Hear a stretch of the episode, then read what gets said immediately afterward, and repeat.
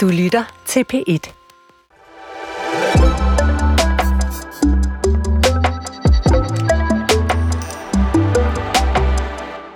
Fremtiden. En gang var det noget med flyvende biler, robotter, der blev onde og rummad på tube. I dag kan en enmandsdrone være din næste taxa, en velfærdsrobot, din gamle farmors allermest kærlige sosu, og en ribeye-bøf, ja, sådan en behøver slet ikke nogensinde at have siddet på en ko. Fremtiden på B1 er nysgerrig på alt det her nye, på alle de opfindelser, tanker og teknologier, der allerede nu præger vores verden, og som lige om lidt er en del af vores hverdag. I dag skal vi tale om fremtidens materialer. Altså de fysiske materialer, som alle de genstande, vi omgiver os med, ja, måske selv vores kroppe og det, vi putter ind i den, er lavet af. Lad os starte med at høre, hvad chatbotten ChatGPT får ud af det, når vi beder den om at skrive et scenarium, hvor fremtidens materialer spiller en central rolle. I år 2123 er materialer skabt gennem avanceret nanoteknologi en integreret del af hverdagen.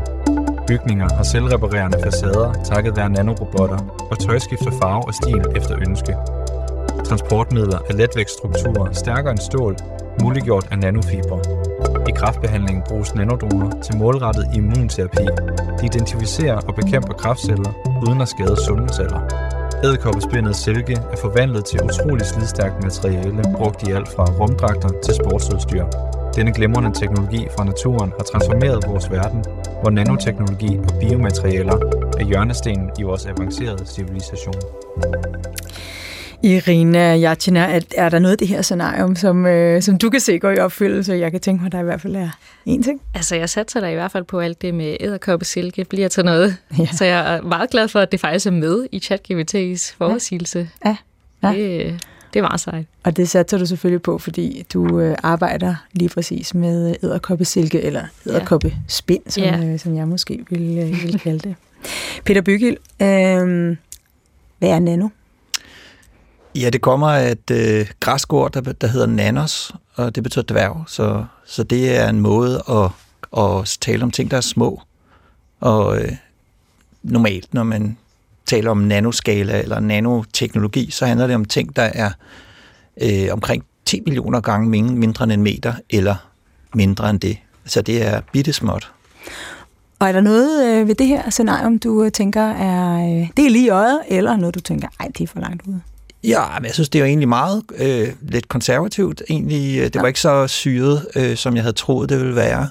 Jeg tænker, at øh, øh, altså for eksempel det her med at have øh, immunterapi og, og små nanorobotter ind i kroppen eller sådan noget, så det er måske ikke lige den måde, man vil gøre det på, men der er noget, der er næsten lige sådan, som allerede er i spil i dag. Og det er for eksempel nogle af de ting, vi, ikke mig, men nogle af mine kolleger på DTU, de arbejder med. Hvad er det for nogle ting?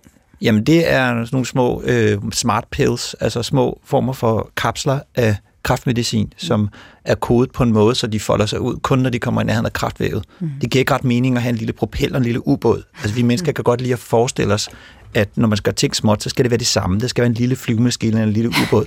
men på nanoskala er, er de fysiske lov lidt anderledes, så det kan det betale sig at lave en propel, men det kan rigtig godt betale sig at lave en pille, der bliver taget rundt af blodstrømmen, og så siger pang, når den møder, møder noget kraftvæv. Og det er allerede øh, mere eller mindre på markedet i dag. Så, så jeg synes, det var en, det var en udmærket, øh, overordnet udmærket beskrivelse. Der er nogle af tingene, som nok ikke bliver på den måde, men, men jo. Det kan være, at vi kan øh, gøre den lidt mere øh, korrekt eller lidt mere realistisk mm. øh, i slutningen af programmet. Vi plejer jo at, at, at give øh, ChatGPT en måske lidt mere kvalificeret opgave, eller en bedre problemformulering, kunne man kalde det, øh, sådan at vi kan få et øh, mere realistisk scenario. Inden vi øh, foregriber begivenhedernes gang for meget, så skal jeg i hvert fald lige have jer præsenteret ordentligt. Øh, Irina Yashina, som vi hørte først. Mm. Øh, Irina postdoc ved øh, Institut for Biokemi og Molekylær Biologi på Syddansk Universitet og på Massachusetts Institute of Technology, legendariske MIT, ja. som øh, vi lige talte om, og som jeg jo er øh, helt fascineret af, for der foregår så utrolig mange spændende, spændende ting, og teknologi, selvfølgelig inden for teknologisk forskning af forskellige art. Og øh, som antydet har, øh, har forsket i brugen af æderkoppespind som materiale af et forskningsprojekt, som øh, man i blandt andet politikken sidste år kunne læse, var, øh, var noget, der kunne revolutionere verden. Måske er der også nogen, der hørt dig medvirke i det øh, fremragende øh, P1-program, der hedder øh, Vildt Naturligt, ja. med Vicky Knudsen og Johan Olsen, hvor du er inde og, øh, og fortælle meget konkret om, hvordan du, hvordan du får øh, æderkopspind ud af æderkopper. Det vender vi lige tilbage til, men hvad er det for en revolution, der kan ligge i det her materiale? Altså, der ligger en revolution i, at vi kan tage noget, som naturen har brugt millioner år på, og i virkeligheden gøre perfekt. Ja. Og vi kan bruge det og få et materiale, som kan bruges i enormt mange brancher, men som er miljøvenligt, og stadigvæk har de egenskaber, som vi gerne vil have nu. Så jeg tror, at revolutionen er i, at vi faktisk bruger naturen til at gøre noget, der også er godt for naturen i vores fremtidige materialer. Og når du siger, at øh, nu har naturen brugt millioner af år på at gøre det perfekt, hvad, mm. hvad er det perfekte materiale? Så hvad, hvad, hvad er egenskaberne ved det, der er så perfekte? Altså, det er selvfølgelig perfekt til æderkoppens formål, ja, som i, at det skal være stærkt og elastisk til at kunne bygge ja. det her spind, og det skal også kunne absorbere enormt meget energi, når bytter flyver ind i spindet og alle de her ting. Men vi kan jo også bruge materialer, der er stærke og letvægtige og elastiske. Så det, det er jo det, vi bruger i for eksempel stål, carbonfiber og spandex. Mm. Så det, det, det er perfekt til mange ting. Mm. Hvad vil man eventuelt kunne bruge det til? Oh, hvis man spørger mig, og ChatGPT åbenbart, så er der stort set ingen grænser. Det første er selvfølgelig tøj, ligesom almindelig silke, mm. fordi det er nemmere at komme ind på det her marked, fordi der ikke er så mange øh, restriktioner på og godkendelser.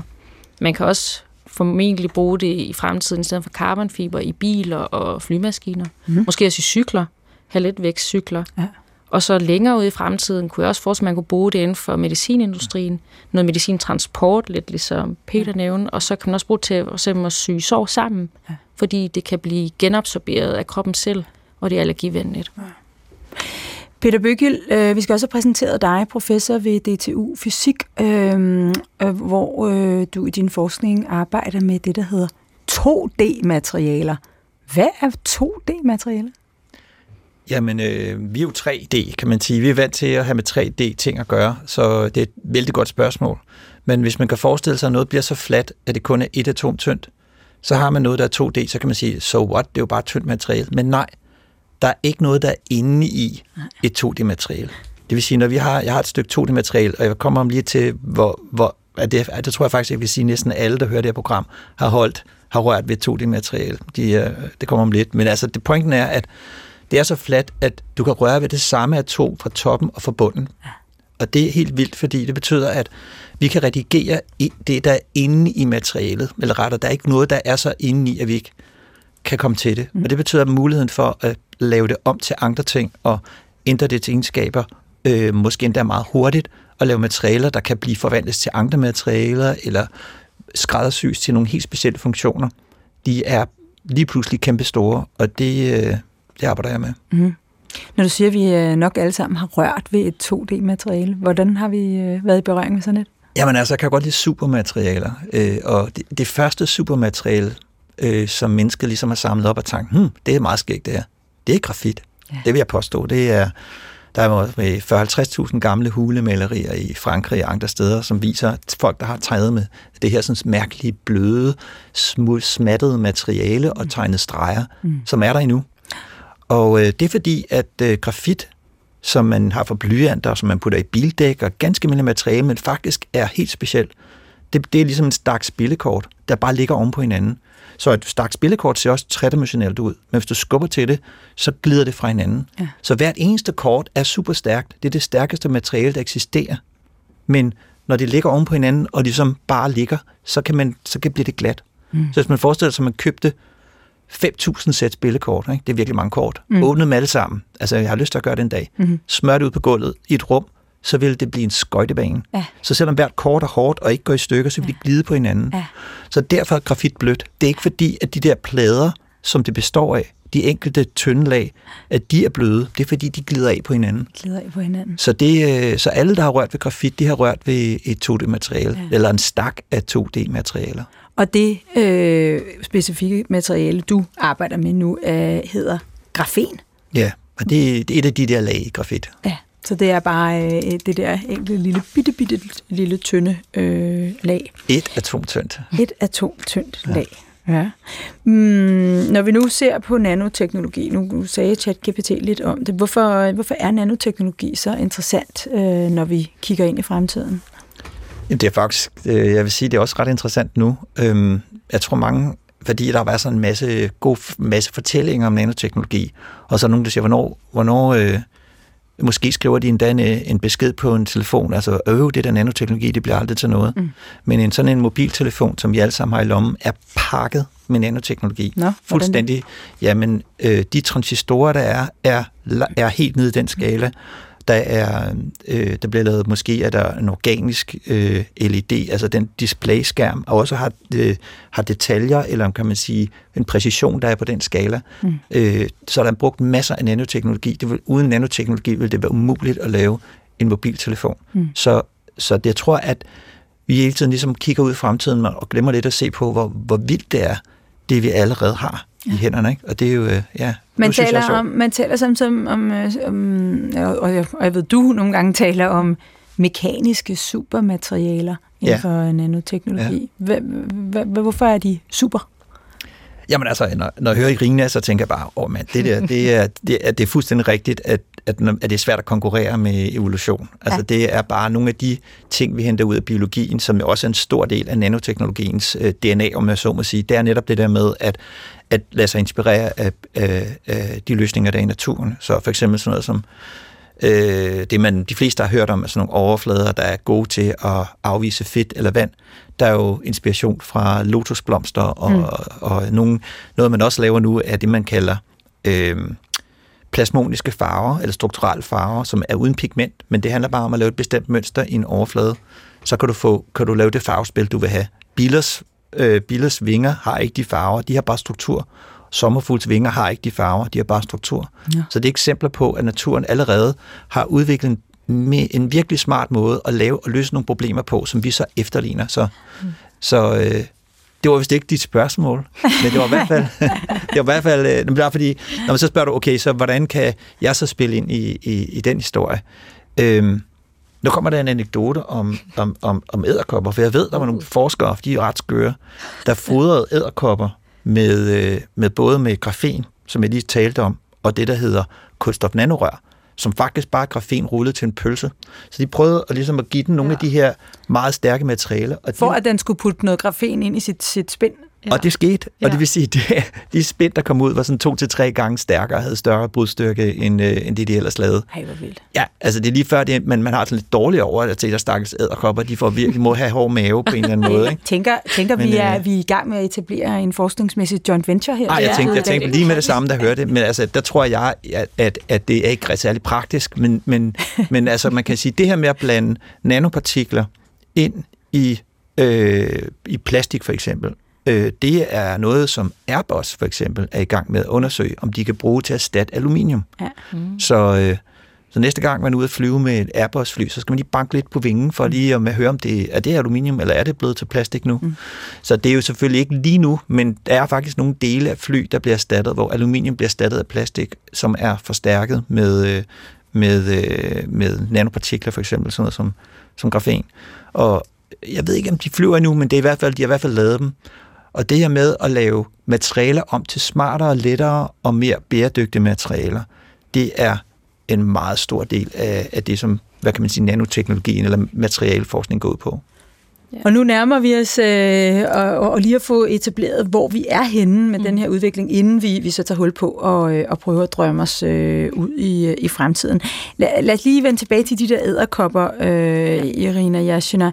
Um, hvordan, hvordan kom du overhovedet på den tanke, at, at du lige præcis skulle øh, tage æderkoppespind og, øh, og, og se, hvad du kunne bruge det til? Altså, det, det er lidt en lidt pinlig historie. Jeg tror, jeg så noget Discovery, der hed Bug Wars, hvor man så forskellige insekter kæmpe mod hinanden. Og så så man jo selvfølgelig også æderkopper kæmpe mod andre dyr. De brugte altid deres spind, og jeg synes bare, det var så cool. Okay, fedt. Ja, og jeg var i gang med et projekt øh, med en vejleder, der lavede en del mikroskopi, og så tænkte jeg, det kan vi da også bruge på æderkoppespil. Det er simpelthen, at forskere ser en slags Avengers, eller? ja, det, det var helt vildt. Det inspirerede mig bare. Og så fik jeg lov, og så skulle jeg lave en PhD, og så spurgte jeg, kan vi ikke forsøge at forske i at lave kunstig silke? Jo, det kan vi godt. Så det, det er simpelthen Discovery. Altså, um, Jeg skal, jeg skal, lige, have, jeg skal lige have fat i, nu, nu reklamerede jeg for, før du har været med i Vildt Naturligt. Ja. vi, vi er nødt til lige at tage den helt lavpraktiske først. Hvordan får du fat i, øh, i spilvædet? Ja, jamen, øh, jeg har selvfølgelig selv været ude og hente korsæderkopper, men øh, det jeg gør nu, og har gjort sådan meget under min forstand, jeg bestiller simpelthen æderkopper på nettet. Ja. der er der findes, en dyr, der, der findes en dyrehandel med særedyr, som... Øh... Der findes faktisk mange. ja, det gør der faktisk. ja, hvor det, den jeg bestiller fra nu her, hvor de selv går ud i en skov og fanger dem til mig. Men ikke mindre end fem, det gider de ikke gå ud for. og er det en bestemt art af æderkopper? Ja, så det er en, der hedder Nephila clavipes, og det er en, der laver de her runde julespind, som vi kender fra korsæderkoppen. Ja. Men den er ret stor, ja. så den laver store spind, og så er det nemmere for mig at se dens spind fiber ja. og dens numse, som jo spindet kommer ud af. Ja, og det kommer vi lige til. Hvad, hvad koster en nederkop? Og jeg tror 20 dollars måske, så 140 Nå. kroner. Nå, okay. Det er okay. Ja, ja. og, og beholder du dem? Altså, du, du spænder dem så op, ved jeg. Altså, de hænger der i armene, og øh, du behandler dem egentlig lidt, lidt, lidt hårdhændet. Ej, jeg har dem faktisk i buer, altså sådan små terrarier, ja. indtil jeg skal høste fra Men når du skal høste, så binder du dem? Nej, jeg, sådan, jeg tager noget tyld og lægger hen over dem, som jeg så sætter dem fast på, sådan en skumplade. Men hvor deres numse, de ligger ligesom på ryggen med numsen ude. Men hvordan, hvad, hvad, hvad synes de om det? De kan ikke lide, de Nej. forsøger meget at komme ud ja. og bide mig. Det, og, hvad, og hvordan får du så spind, øh, deres, deres tråd ud? Jeppe, det er jo det, der er sejt, at æderkopper faktisk altid producerer spind, når de går rundt. Ja. Så jeg kan bare putte en pincet hen til at røre på den, de der kirtler, og så bare trække det ud. Og så kommer der bare metervis af silke ud. Og hvor lang tid øh, kan, du, øh, kan du ligge og, og mælke æderkop på den måde? Jeg gør det i maks et par timer. Jeg synes simpelthen, det er sundt. ja, det, jeg kan ikke. og så kommer den hjem i sit terrarium. Ja. Og hvor mange meter silke har du så fået, når den har ligget der og spundet i øh, et par timer? Det burde jeg regne ud. Altså, det er hundredvis af meter. Ja. Ja. Det er jo selvfølgelig, hvor hurtigt du ja. trækker. Og du binder dem op på et garnnøgle? Ja. Altså et regulært garnnøgle? Nej, jeg har lavet sådan en 3D-printer. Ja, det, det er For en? Ja, ja. Det er jo vanvittigt. Altså, det, det kører bare. De væl, det vælter simpelthen Det vælter ja, bare ud. Og du står selv og gør det? Ja. Også over på MIT? Ja. Fantastisk. Nede i en mørk kælder. Hvorfor er det lige, at det er Altså, hvad, hvad er det, der er med det her materiale? Nu sagde du før, at det var nærmest det perfekte materiale, mm. fordi det er stærkt, og det er fleksibelt, mm. og, og det kan holde sig. Hvad, hvad, er det, hvad er det ved det, som, øh, som, som, hvad er det for nogle egenskaber, det ellers har, som, som er så interessante? Jamen, altså, der er jo selvfølgelig, æderkoppen kan lave mange typer forskellige silke. Den kan lave op til syv forskellige. Mm. Der er den mest stærke, den har så selvfølgelig den egenskab, at den er enormt stærk. Og så findes der også meget elastiske typer silke, som minder lidt mere om sådan en elastik. Mm. Men det, de alle sammen har til fælles, det er, at de er selvfølgelig alle sammen stærke. De vejer ikke særlig meget, så de er stærke i forhold til deres størrelse. Og det, jeg synes også er vigtigt, det er, at det er miljøvenligt. Ja. Som du nævnte, det er lavet 100% af proteiner, og endda kun ved stuetemperatur. Mm. Så det er virkelig et miljøvenligt produkt her. Mm. Men selvom det er meget stærkt, så er det jo alligevel øh, meget skrøbeligt, fordi det er, jo, det er jo meget, meget, meget tyndt. Hvad skal vi gøre ved det for at kunne bruge det til noget? Altså, sådan som jeg forestiller, så er det jo ligesom, når man har almindelig silke eller anden typer stof, for eksempel. Man har jo bare fiber, man vikler rundt om hinanden, og så ja. har du en tykkere fiber. Så du væver det simpelthen sammen yeah. på en eller anden måde? Det er i hvert fald planen. Ja, det er planen nu. Så du er stadig i, det, i den fase, hvor du, du høster silken og prøver at finde ud af, hvad det for nogle egenskaber, det, det har. Altså, jeg har fundet ud af med egenskaben. Jeg er faktisk i gang med at høste silke, for at kunne forsøge at væve. Sådan, så når jeg har kunstig silke, så har jeg allerede styr på, hvordan jeg væver. Wow. Ja. Wow. Og det, det er det, der er dit forskningsprojekt øh, lige nu, ved jeg. Øhm, vi skal, vi skal også tale lidt om, øh, om, om de her, øh, vi talte lidt om de her mekaniske supermaterialer, Peter Bygge, lige før. Øhm, hvad, hvad, hvad, er det, vi, øh, hvad er det, vi kan med, med sådan nogle materialer i dag? Øh, man er jo allerede i gang med, og der er jo sådan noget som øh, kevlar og andre, hvad skal man sige, fibre. Det er ikke mit hovedområde. Så mm-hmm. det, men det, jeg forstår af det, det er, at øh, der er allerede en, altså carbonfiber og andre ting har jo været revolutionerende, netop fordi det, som, som du siger, de mm. vejer lidt og er mm. stærke mm. og, og sådan noget. De har ikke den samme, helt den samme fleksibilitet, mm. som, som, som, som Spider har. Men, men en af de ting, man, øh, man kigger på, det er sådan noget med at blande de der ultrastærke mm. øh, nanostrukturer, som for eksempel grafen og den slags ting, ja. og blande dem i polymer og gummi. På den måde så kan man ændre gummi og plastiks egenskaber. Man kan gøre det lille smule ledende, Det er jo for eksempel, så kan du lave en slags maling, man bruger på en fabrik, hvor man ikke har lyst til, at der kan komme gnister, for eksempel mm. hvis der er noget, der er brandbart. Men der er faktisk et produkt på markedet, som jeg øh, er lidt, lidt øh, fascineret af. Det er, øh, det er løbesko, øh, fordi at øh, man kan se på de anmeldelser, der er lige de løbesko, de skriver ikke noget om noget grafen. De skriver bare, at de er mega gode, de her sko. Og mm. plus at verdens bedste øh, det, der hedder ekstremsportsløber, de er mange af dem, der har de her sko. Mm.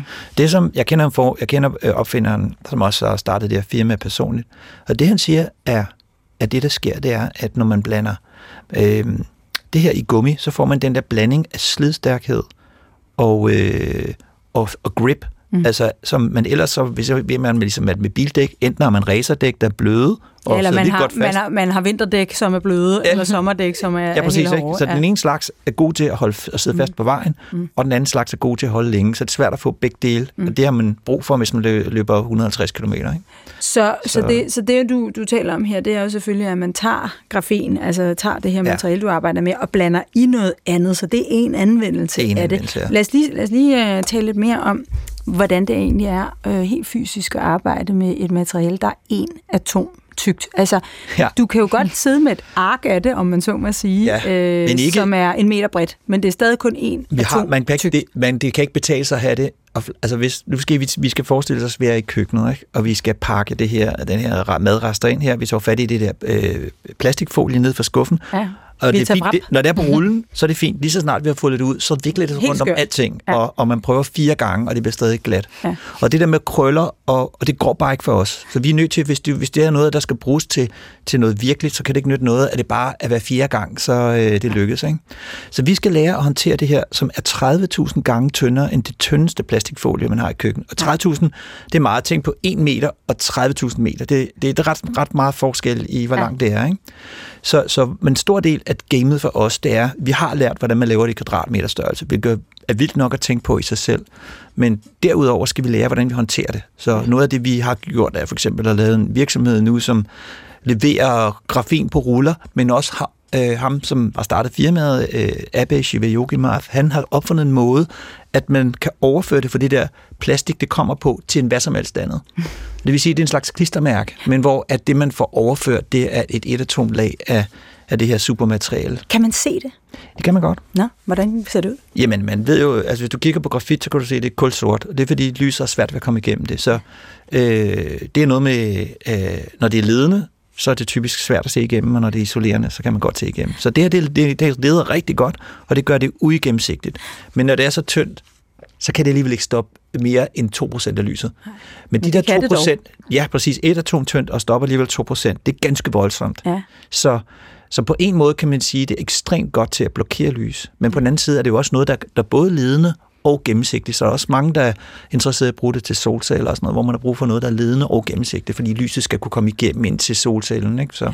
så, så det er, man kan absolut se det, og det vil sige, at øh, hvis man kigger et mikroskop, øh, så vil jeg kunne så vil man enhver kunne se, hov, der er en lille skygge der, og det vil sige, der er en lille kontrastforskel i mikroskopet, man tydeligt kan se. Så har man fundet sit ark. Der er simpelthen, øh, der er grafen der.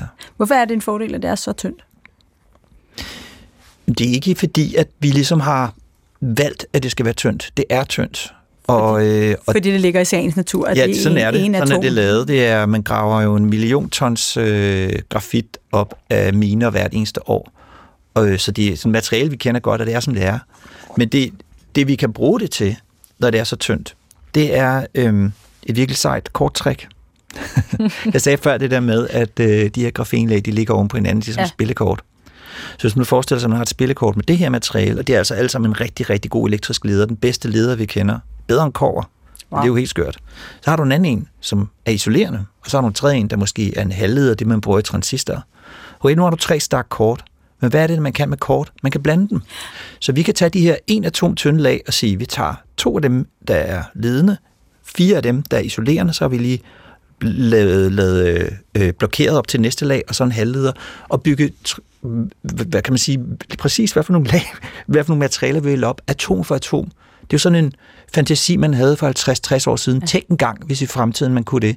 Men det er sådan noget, at hvis, jeg, hvis I var en måned hos mig, så ville jeg kunne lære at gøre det Wow. med Wow. jeres egen hænder og et mikroskop, og fordi vi har lært, hvordan man blander kortene på den måde. Så vi kan lave, ligesom man programmerer et DNA-molekyl til at have nogle bestemte egenskaber, kan vi programmere et materiale, lag for lag, atom for atom, til at have øh, helt bestemte optiske egenskaber, som jo, eller elektriske egenskaber. Og jeg kan hilse at sige, at øh, når man kan det, så er det næsten som om mulighederne er uendelige, og det øh, skal vi kigge nærmere på nu.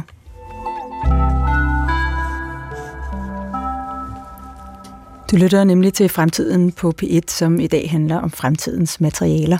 Mine gæster i dag er Irina Yashina, som er postdoc ved Institut for Biokemi og Molekylær, Molekylær Biologi på Syddansk Universitet og MIT, Massachusetts Institute of Technology, og Peter Bygild, som er professor ved DTU Fysik. Nu tager vi en lille lynrunde, hvor vi lige øh, bare siger ja eller nej til nogle af de udsigelser, som ChatGPT kom med øh, fra starten, og så, øh, så hopper vi ud i fremtiden. Spændende. Ja, lad os, øh, lad os prøve at, at nævne nogle af de elementer, som ChatGPT fandt på, øh, at ville være en del af, af virkeligheden i år 2123, altså om 100 år. Om 100 år. Om 100 år. Peter Bygild, bygninger har selvreparerende facader takket være nanorobotter. Øhm, I de her selvreparerende facader, men om det bliver ved hjælp af ro- nanorobotter, det er ikke sikkert, at det er det smarteste, fordi forskningen i dag, den arbejder allerede på at lave selv af materialer, der kan hele sig selv. Mm. Øh, så det er, der, det, er, det er allerede en stor, et stort forskningsområde, og der er allerede, hvad skal man sige, tror jeg nok, produkter, der er sådan mere eller mindre på vej. Er det nogle af de produkter, du arbejder med? Nej, det er det ikke, men, øh, men jeg arbejder tæt med folk, som arbejder med det, der hedder smart materials, mm. og nogle af de ting, man kigger på, det er netop det her med, at du har strukturer, der kan reparere sig selv. Interessant. Altså materialeforskningen øh, går i en retning, så vi måske slet ikke behøver at reparere på materialer øh, igen. Meget typisk for det her program er det jo, at vi, øh, vi, vi kan næsten ikke se for os, at, øh, at det liv, der følger på øh, de teknologiske landvindinger, der sker, også vil se anderledes ud. Ikke? Og vi, man forestiller sig ligesom, at mm. Selvfølgelig skal man reparere på ting, men det skal man ikke nødvendigvis. Irina Yashina, æderkoppespindets silke bliver brugt i alt fra rumdragter til sportsudstyr. Jeg er helt enig, og jeg tror, det bliver før end om 100 Ja. år. Ja. 100 procent. Det oplever vi også tit med ChatGPT, at, den, øh, at, at vores, vores eksperter her i studiet siger, jamen, jamen der, det er vi på vej til. Det sker om 15 år. Eller, ja. Ja. Øhm, og så vil jeg også stille det her spørgsmål til dig. Vores tøj skifter farve og stil efter ønske? Jeg tror i hvert fald farve, for det har jeg i hvert fald også allerede set, at det findes. Okay. At der findes det tøj- findes allerede. Ja, Ja. ja, hvor man har sådan nogle paneler, der kan skifte farve. Ja.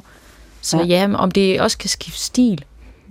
Ja, Form er det jo ja det, det, Ja. det tror jeg faktisk, ja. Ja, Peter Bøgel, hvad siger du til den? Jeg er enig. Øh, det er det øh, kan lade sig gøre i dag. Mm. Øh, ikke, ikke så billigt, men det kan godt lade sig gøre at gøre det til en grad.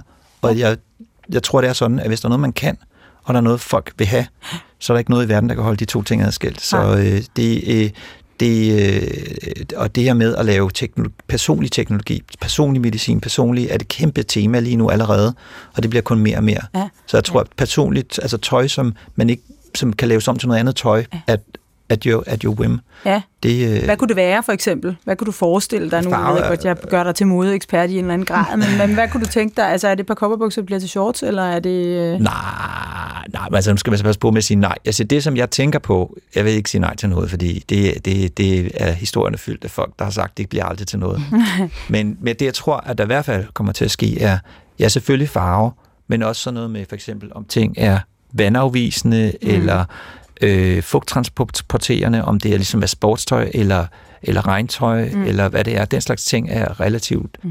nemmere at have med at gøre. Mm. Men også for eksempel sådan noget som styrke. Mm. Øhm, hvis man kunne forestille sig en slags spider silk, så er noget, der ligesom er slagfast, men kun når, man, når det skal bruges, så noget, når der kommer impact, så stivner det, eller den slags ting. Mm. Så kan man sagtens forestille sig situationer, hvor man har noget, eller bilkarosserier, som, som også bare altså, får den rigtige blødhed, som de skal bruge, hvis der er en, en, en ulykkesituation. Så det kunne, om det lige stil, der, der, der kommer jeg lidt til kort med min mangel på viden om tøj. Irina Yashina, kan du forestille dig, hvordan man kan udnytte øh, spændets egenskaber til at lave, altså til at være så fleksibel, at, man, øh, at, at tøjet måske kan ændre form eller ændre funktion øh, as we go, om man så må sige? Altså, jeg ved ikke lige med æderkoppesilke. Det kunne godt være, at man kunne få, ligesom øh, Peter nævnte, noget smart materials, så man havde noget, der blev ja, stift, så kunne man have en stiv kjole, eller mm. en løs sommerkjole, sådan, mm. eller en jakke for eksempel.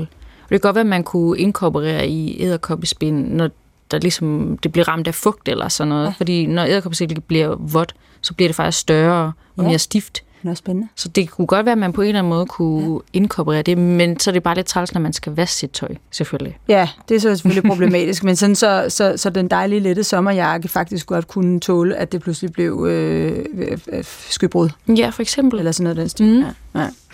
Ja. Øhm, Peter Bygge, hvad ser du for dig er det næste store skridt, vi kommer til at tage, øh, når vi taler øh, nanoteknologi? Nanoteknologi det næste store skridt, altså det, er, det er simpelthen så mange forskellige slags ja. øh, teknologier, som jeg kalder nano. Altså noget ja. af det ting, som tror bliver stort, det er, at øh, netop at man øh, låner fra øh, den skattekiste, som øh, bio, biologi og biokemi er, lidt mere. Det er sådan noget med, at øh, nogle af mine kolleger, også nogle jeg arbejder sammen med, øh, bruger for eksempel DNA til at bygge struktur med. Fordi DNA kan lave, det ved vi jo fra vores kroppe, kan jo bruges til at lave fuldkommen totalt præcise strukturer, som har en meget, meget specifik funktion. Ja. Og det er jo lige det, vi skal bruge. Så hvis man kombinerer den slags, for eksempel de materialer, jeg arbejder med, med med det, man kalder DNA-origami, som man skal forestille sig ligesom en slags papirfoldekunst, men ja. hvor man egentlig bygger blokkene op øh, med DNA-molekyler, så kan man få tingene, så kan man lave en slags puslespilbrikker, der passer sammen fuldstændig per atom. Det er mere præcist, end man kan med noget af nogen anden teknologi. Så jeg tror, at sådan nogle sammenblandinger af, af hvad kan man sige, af kvantematerialer, og, og, som jeg arbejder med, og så, så biologiske, ja. øh, de her superpræcisionsmaterialer, så biokemi, ja. kommer til at blive ret vigtigt. Også fordi vi kan ikke lave ting ret meget mindre med de almindelige teknikker, men, men hvis vi ligesom kan kombinere tingene med, med kemi. Så det her det er ikke noget nyt. Det er bare først nu, hvor jeg synes i sidste 10 år måske, at jeg har været meget imponeret over de, de voldsomme fremskridt, der er sket, øh, sket inden for det.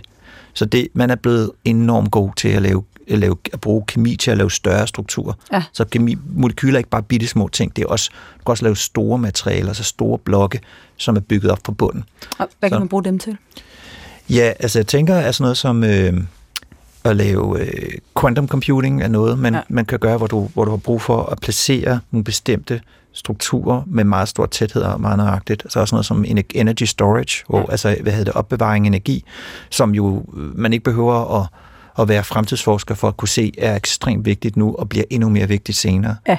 Ikke mindst hvis det er, at vi alle sammen skal have små elektriske dimser alle vegne, så bliver sådan noget med en måde at, at kunne holde på energien længe nok og, øh, og opsamle den, opsamle den og opbevare den og, og forbruge bruge den effektivt. Vi vil jo gerne, vi vil jo gerne øh, ja. øh, bruge øh, primært øh, vedvarende energi, renewables, øh, som kan være svære at, øh, at opbevare, som det er i dag. Altså vindenergi, eller vandenergi, eller solenergi.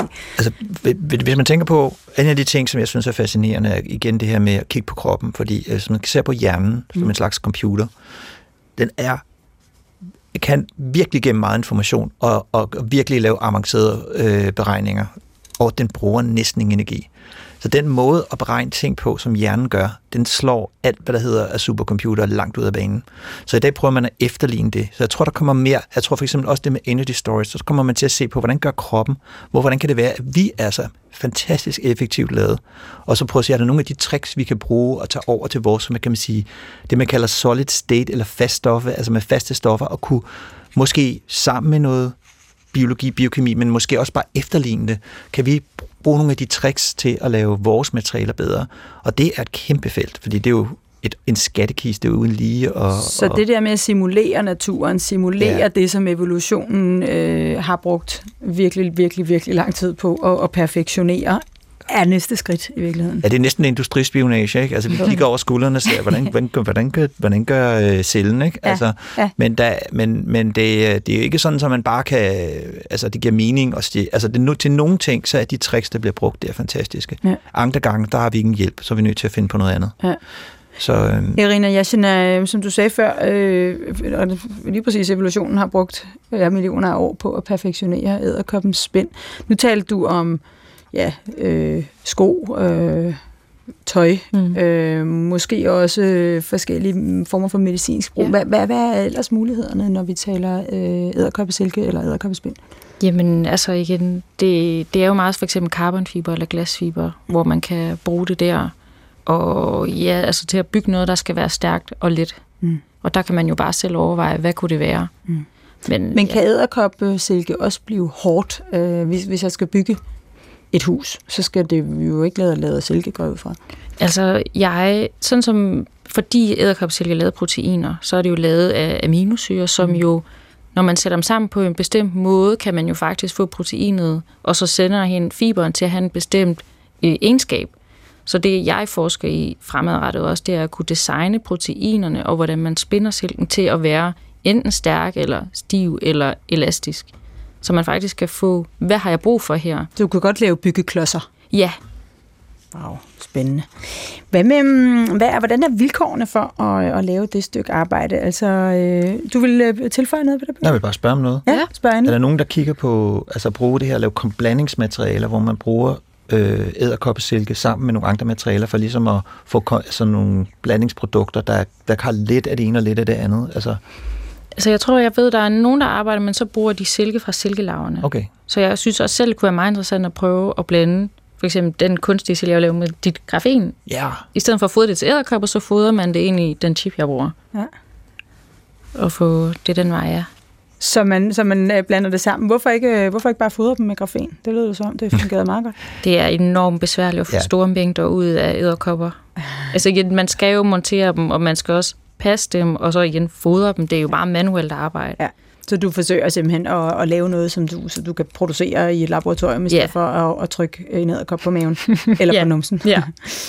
Hvordan, øh, hvordan er rammerne for at, at, at få, øh, få, få, komme videre med det her? Øh, altså det, det sker jo, at politik pludselig bliver en bremseklods for at, at udvikle forskellige ting. Hvordan, hvordan ser rammerne ud i forhold til at få tilladelse og godkendelse osv.? Du taler om før, at når det så længe det er tøj, så, så, er, Ja. nok ikke, så er det nok ikke så slemt. Så der har vi ikke så meget øh, sikkerhedshalløj. Men, Ja. men lige så snart det bliver nogle, nogle, for eksempel noget, der skal bruges til at bygge af, eller køre på, eller mm. den slags, så kan det være, at der pludselig er nogle, øh, nogle lovgivningsmæssige rammer, der kan, øh, der kan blive en udfordring. Ja. Hvad, hvad ser du for dig? Altså selvfølgelig alt, der har noget med, hvor vi skal være sikre i en bygning eller medicin, altså det tager jo allerede nu mange år, altså 10 år for at godkende nyt. Men det, hvis vi først går i gang med tøj, og så kan se, her er der faktisk potentiale, og så arbejder os videre, så kan det jo sagtens være, at vi ender der. Det er bare ting, der tager tid, fordi du vil jo ikke prøve en eller anden medicin, som ingen andre har prøvet. Vi ved ikke engang, den virker. Nej, det er klart. Der, det skal igennem de behørige øh, testfaser, som, Ja, som, præcis. som vi nu gør med, med, med medicinen. Ja. Det er klart. Øhm, nanoteknologi er det, du arbejder med, og det, du arbejder med. Lad os lige vende tilbage til den der tanke om, om det forskningsmæssige joint venture. Mm. Altså, uh, et er at fodre æderkopper med, med grafen, men hvis vi taler om din, øh, den, den kunstigt fremstillede mm. æderkoppesilke, øh, og så at kombinere det med, med det materiale, som Peter Bygyld øh, arbejder med. Hvordan kunne man komme videre med det?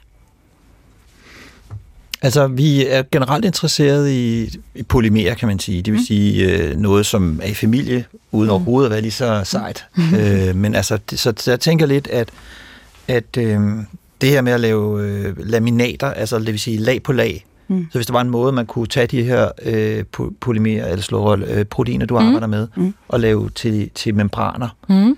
det kunne være interessant at se på, øhm, om man kunne bruge det til at styrke. Altså det lyder nu siger jeg jo, at grafen er verdens stærkeste materiale, mm. Det er altså også øh, meget, meget tyndt. Ja. Så hvis man, altså derfor så er det en eller anden form for øh, template eller en stabilisator, så man Mhm. kunne forestille sig en membran lavet af Ja. det der. Om, jeg tror ikke, det vil være praktisk at væve det, men hvis der findes en anden måde, ligesom, når først du ligesom har knækket koden i forhold til, hvordan man laver det, Ja. kan det være, at man kunne lave det som en film. Og der kunne jeg forestille mig både sådan noget som filtrering, altså for eksempel filtrering er en kæmpe ting, altså filtrere salt ud af vand vil jo ændre vand, vandforsyningen i verden på, det vil bare være en af de ting, Mhm. der har kæmpe impact. Ikke? Men der er enormt mange ting, man kan bruge film og membraner og tyndfilm til industrielt og, og til... Altså det, du siger, er, at man vil kunne, kunne fremstille et materiale, man vil kunne bruge til at filtrere salt ud af bare- vand, og dermed Ja. vil vi nærmest have udtømmelige øh, ressourcer af, af rent vand, som Jamen altså- er et problem i verden. Det er et, et, et, et, et af de, hvad skal man sige, de ting, man kigger meget på med, mm. med grafen, og man kan bruge mm. det til at lave sådan en slags filtreringsmembran. Øh, det er der flere startup virksomheder, der kigger mm. på. Også flere virksomheder, der ringer til mig. Kan du hjælpe os med det, for vi skal bruge ja. det her? Kan du det? Øhm, nej, fordi at den type grafen, jeg arbejder... Well, det øh, har muligvis ændret sig for nylig, men det, når jeg normalt arbejder med, er en lidt anden, hvad skal man sige, form. Så det det, jeg anbefaler folk, der gør det, det er at starte med noget, der er nemt. Det vil sige, starte med pulverkoffein, i stedet for at starte med... Hvad er det for noget, der har ændret sig for nylig? Ah, altså det... Øh, vi har for nogle år siden opfandt vi en form for membran, som består ligesom af grafenpolymer, grafenpolymer, sådan en slags stak. Og øh, det er muligt, at man vil kunne lave noget, øh, noget, noget på, den, på den basis. Der skal arbejdes videre. Det er svært at gøre, og det skal være billigt, og det skal være, det skal være holdbart, det skal være sikkert, og så mange ting. Altså, hvis du sender øh, 50.000 øh, små hånd, håndpumper, hvor du kan presse vand igennem, og så har du drikkevand på den anden side, så skal det fungere. Ja. Og det, altså, det, er, det, er en skalering, som er, er frygtindgydende, så det, ja. det er noget, der hvis man virkelig... Så jeg er nok ikke den, der... Altså, man kan sige, ja, jeg kan godt løbe hen og sparke til bold, men der er andre, der står tættere på end mig. Ja. Så det vil jeg sige, det vil ikke være mit men det vil kunne lade sig gøre at tage nogle af de der teknikker, vi arbejder med nu, og ja. lave til noget af den stil. Men ja. jeg vil bare noget andet, jeg tror mere på, er, er først. Ja. Men i forhold til det med at lave øh, lave membran, hvis man kunne lave det, mm. så tror jeg hele taget, at, at, øh, at det kunne blive ret vildt. Ja. Fordi tråde er en ting, og der kan man væve til at lave stof. Ja. Men membraner, der kontinuerligt, de bliver brugt til enormt mange ting. Og have sådan noget, der har de egenskaber, det lyder helt fantastisk. Ja. Prøv lige at folde ud for os, øh, som, som, som ikke sidder og arbejder med de her ting. Når du siger membraner, hvad, hvad er det, du vil forsyne dit materiale med, som vil kunne være en fordel i forhold til de her anvendelsesmuligheder? Ja, altså for mig vil det være en, være en fordel at have en form for øh, en form for stabiliserende øh, backbone, altså hvis man tænker på en, en, øh, den, den, hvad skal man sige, for eksempel hvis man tager, tænker på en mobiltelefon, den har sådan en, den, når man rører ved den, så kan man, der kan man gøre et eller andet. Ikke? Så mm. der er et eller andet der, der er elektrisk glidende og samler, samler din position af, af dine fingre op. Men det er på en glasplade. Hvis det ikke var på glaspladen, ville det bare være noget blødt smat, og så vil det ikke fungere. Så ja. der skal være noget, der stabiliserer, ja. en strukturel stabilisering, som den funktionelle den funktionelle, det vil så være grafenlaget, ligesom kan ligge på. Ja. Og, det, og, og det vil det silke faktisk kunne. Ja, det synes jeg lyder som meget spændende ting, fordi for eksempel mm-hmm. sådan noget med at lave fleksibel elektronik, som kan, kan integreres på huden, eller på tøjet, eller i tøjet, det kræver nogle helt specielle egenskaber, som de almindelige materialer, vi har, øh, ikke rigtig rammer på sømmet. Ja. Og der tænker jeg, sådan noget, der er stærkt, fleksibelt og biokompatibelt, må kunne bruges til at lave som en slags backbone, eller en slags, ligesom et hvis man åbner en gammel, eller åbner noget, en radio, så er der sådan nogle hårde kort, hvor der sidder en masse komponenter på. De er jo helt hårde. Men, men det, man egentlig er interesseret i at gøre, det er, at man kan have blød, blød elektronik, som kan bøjes og krølles og folde sammen og puttes i lommen. Men er så det, det, tror jeg, at sidder det her... du og opfinder øhm, et materiale, der vil kunne anvendes i en fremtid til fremstilling af organer? Ja, altså hvis I, når, når det her program øh, ligesom går i luften, så tror jeg, det bliver lidt svært at patentere. Men, øh, men, øh, men, men nej, jeg ser, spinner bare en ja. tråd ud af mine ja. kirtler her, øh, som jeg øh, ved ikke ved om... Øh, altså det, det er jo det, vi gør. Altså det er jo det, vi ja. konstant gør. Vi brainstormer, og, ja. og, og, og 90 procent... Men nu tænker jeg, nu tænker jeg i anvendelse, ja. så jeg ved godt, at, at I, ja, ja. I, I, I sidder helt øh, og, og laver grundforskningen. Men hvis vi tænker lidt kreativt på anvendelse, hvis man kan få øh, et stykke elektronik, der kan integreres ja. på, i kroppen. Ja. Og, og vi så skyder den meget langt frem og, øh, og ja. forestiller os, at, at og, kombinationen med, med, med DNA, som du talte om yes. før, og så videre, så er vi måske derhen, hvor vi taler om, at nu kan vi måske lave et organ.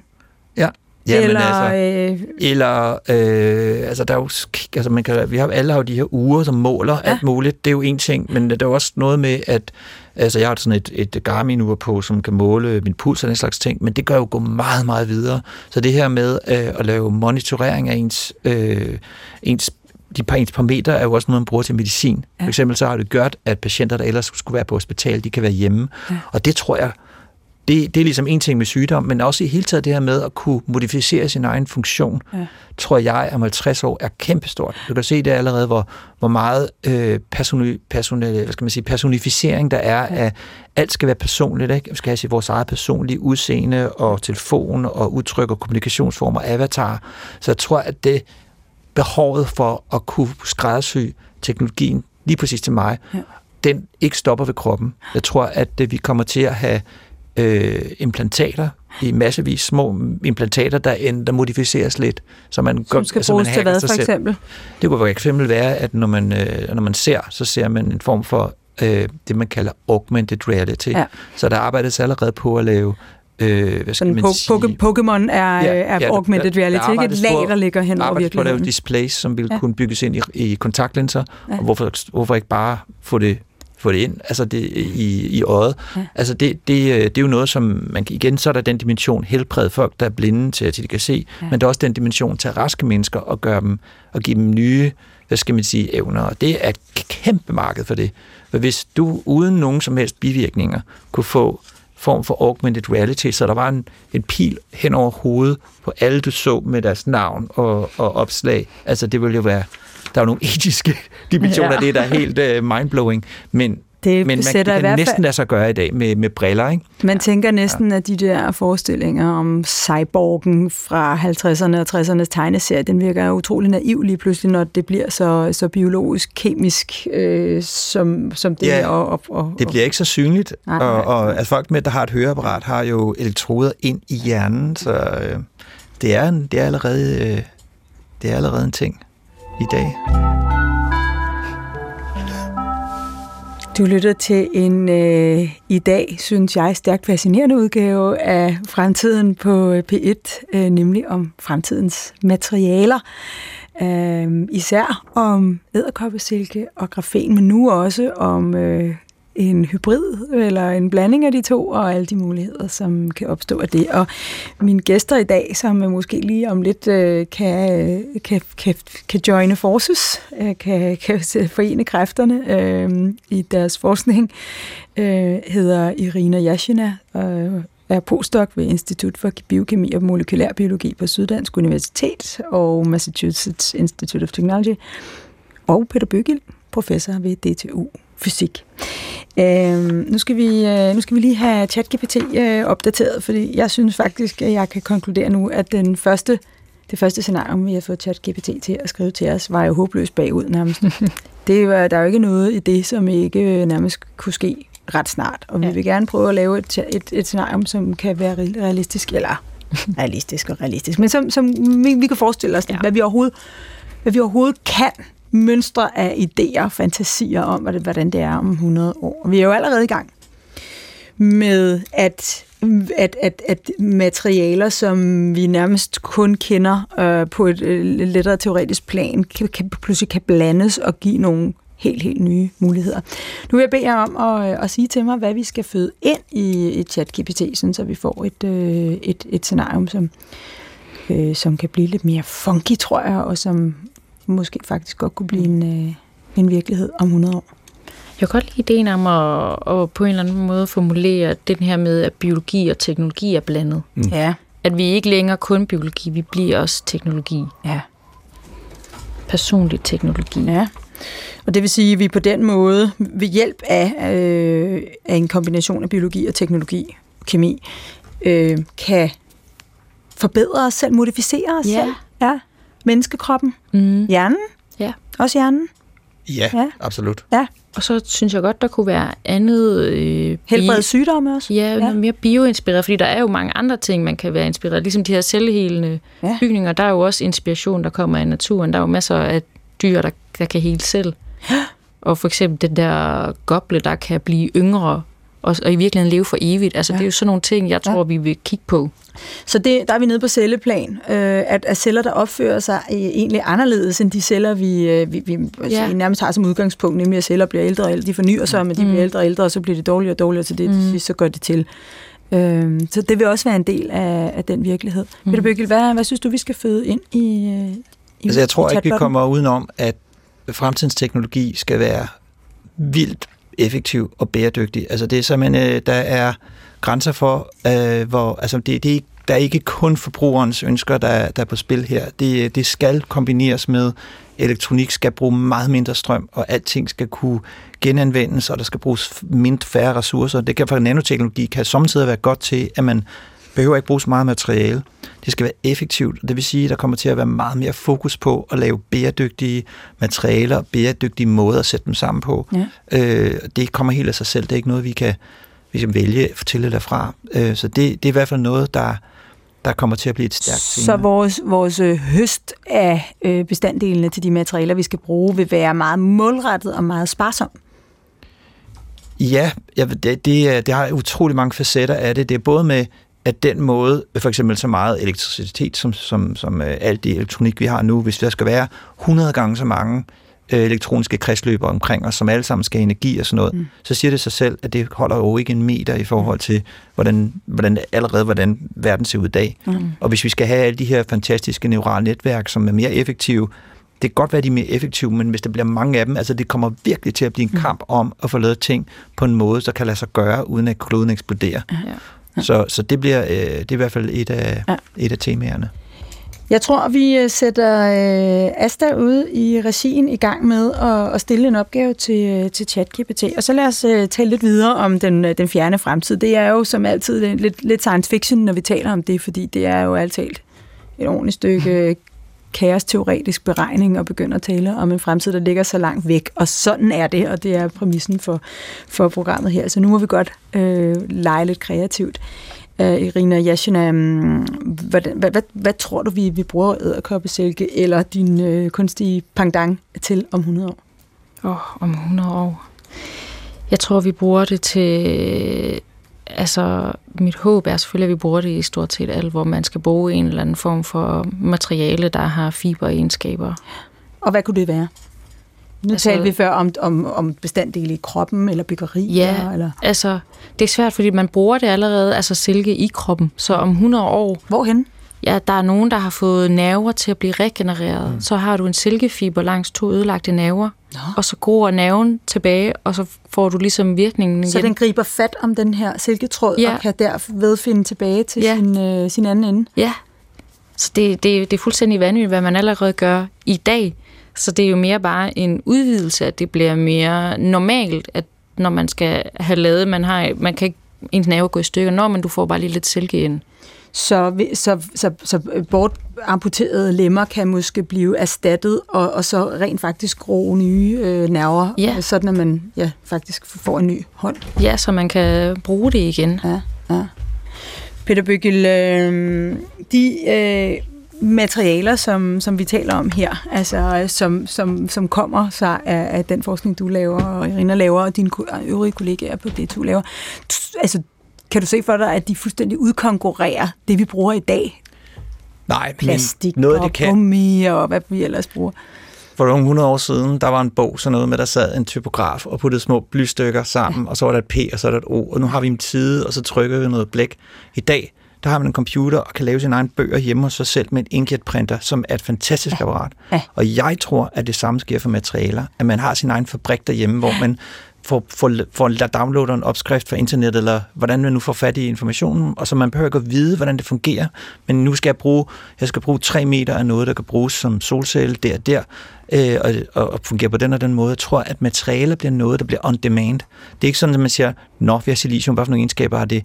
Det bliver sådan her, jeg skal bruge et materiale, der kan det og det, og så bliver materialet bygget op fra bunden ja. af en noget, der minder om en slags 3D-printer, og sådan en kan jeg godt sagtens forestille mig, at man har det hjemme hos sig selv. Ja. Ligesom 3D-printer i dag vil jo for 100 år siden være tage enormt lang tid fra en håndværker og bygge de ting, som man kan lave, uden overhovedet at tænke over, hvordan det foregår. Ja. Så, så man, det, er ikke engang, det er ikke engang overoptimistisk at sige 50-100 år. Yes, for sure. Altså, hvis det ikke der sker noget andet, som forhindrer os i alt det her, så, så tror jeg, øh, ja, altså det kan jo være, at der, vi har andre ting at tænke på, øh, hvis øh, vandet stiger og den slags ting. Men hvis nu bare siger, vi, det tænker vi ikke på lige nu. Så med den hastighed, udviklingen foregår, kan jeg overhovedet ikke se, hvorfor det er, at man ikke har sin egen. Der er så mange ting, der er flyttet hjem, mm. som er blevet, du fabrikerer snart din egen medicin, tror jeg mm. også kommer snart. Og så om 100 år, så kan, tror jeg, at man kan, man kan, man kan syntetisere sin egen materialer i sig selv i, en, øh, i sin egen lille 3D-printer, bare øh, kvantematerialer. Og måske, måske hvis vandet stiger så meget, så kan de her materialer være det, vi skal anvende til at Jeg tage bolig, nogle, tage bolig øh, et andet sted. Ja, nu, nogle, ja, ja nogle skibe at sejle rundt i. Nu læser jeg lige, øh, hvad ChatGPT har, har fået ud ja. af jeres input.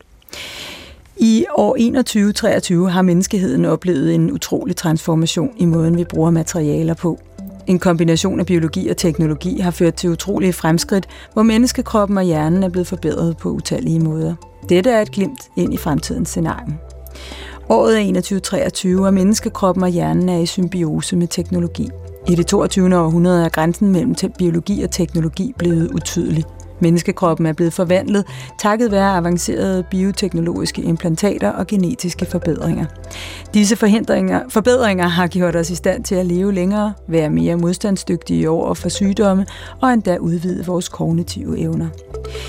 En af de mest bemærkelsesværdige udviklinger er evnen til at skabe celler, der er i stand til at helbrede sig selv. Det betyder, at mennesker nu kan regenerere væv og organer på en hidtil uset måde. Traumer og skader, der engang var uoprettelige, kan nu helbredes med lethed.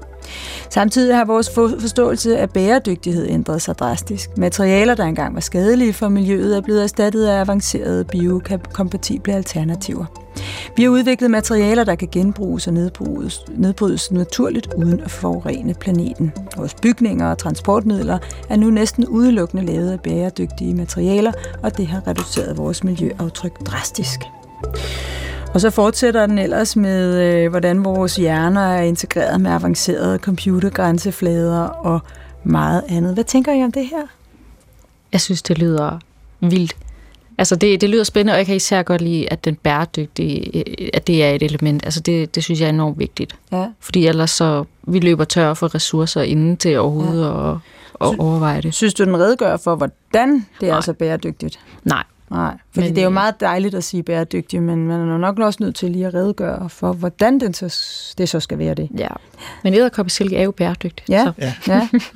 Jeg tror, jeg, jeg synes, den, øh, den er meget mere øh, relevant ja. end den første. Og ja. det her med, hvordan vi ved en masse om, hvordan vi, vi, vi, kan, vi, lave, vi skal lave tingene bæredygtige. Mm. Vi, øh, der er bare noget af det, vi ikke har fundet ud af, hvordan man gør rent praktisk. Vi ved godt, hvor vi skal hen, vi, ved bare ikke, øh, vi er bare ikke så gode til det endnu. Ja. Så jeg, jeg synes, den var god. Mm. Ja, vi startede programmet med et bud på det her fremtidsscenarie. Vi sluttede med et øh, opdateret et. Øh, du har lyttet til øh, Fremtiden på P1, som jo altså i dag handlede om øh, fremtidens materialer. Mine gæster har været Irina Yashina, postdoc ved Institut for Biokemi og Molekylær Biologi på Syddansk Universitet og MIT, og Peter Byggel, professor ved DTU Fysik. Tak fordi I vil komme. Tak fordi jeg måtte. Fremtiden på P1 var tilrettelagt af Nikolaj Dupont og Asta Åholm, produceret af Beam Audio Agency. Jeg hedder Mette Valsted Vestergaard. Tak fordi I lyttede med.